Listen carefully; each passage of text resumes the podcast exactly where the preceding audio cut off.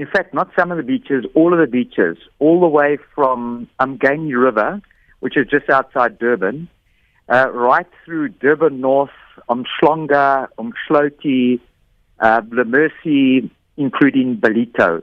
So it's a significant part of the jewel of the tourism coastline here in KZN. It's, it's, in fact, it's where the majority of the spend happens. Those are the beaches that are closed.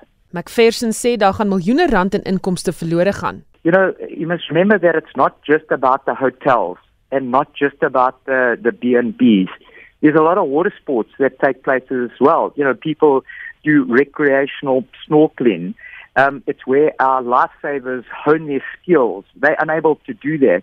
It's where, you know, recreational fishing happens, sustainable fishing happens. You know, people dive and snorkel to collect fish, oysters, mussels, and other fishing for a living.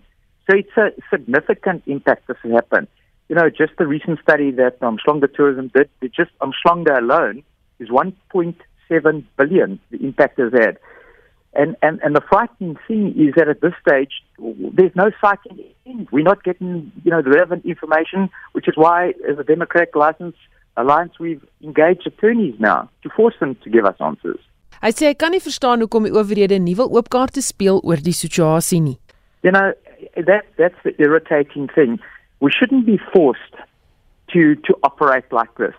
You know, when the fire happens, the owners of the factory should have just come forward and said, this is the problem, this is what it is. Instead, what we've had to do is write lengthy letters to various heads, various ministers, and even those were ignored. So we've had to do uh, we've had to do what we didn't want to do, and that's resort uh, to attorneys to write legal letters. It shouldn't be like this. McPherson sê die gebrek aan inligting stel mense se gesondheid en selfs lewens in gevaar. You, this is the important part of, of your question. So I, I'm just needed to take a little bit of time here. And that is the results have come back. The results went to the UK, they come back, but they haven't been released. We don't know. They're not telling us. What I've heard through through the grapevine is that the beaches having having the results having been read, the beaches have remained closed. So you can read between the lines. It's a problem. It's a drama. They've got to tell us what is the drama.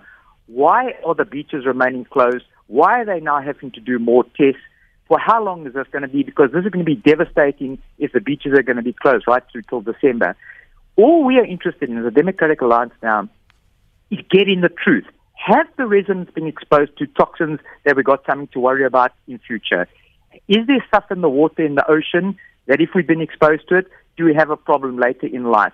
Is there a problem that prevents us using the beaches they have to be honest. It's right. It's the right thing to tell us. And if it means we're going to go to court, and if it means we have to get our attorneys, then we'll do it because it's the right thing to do.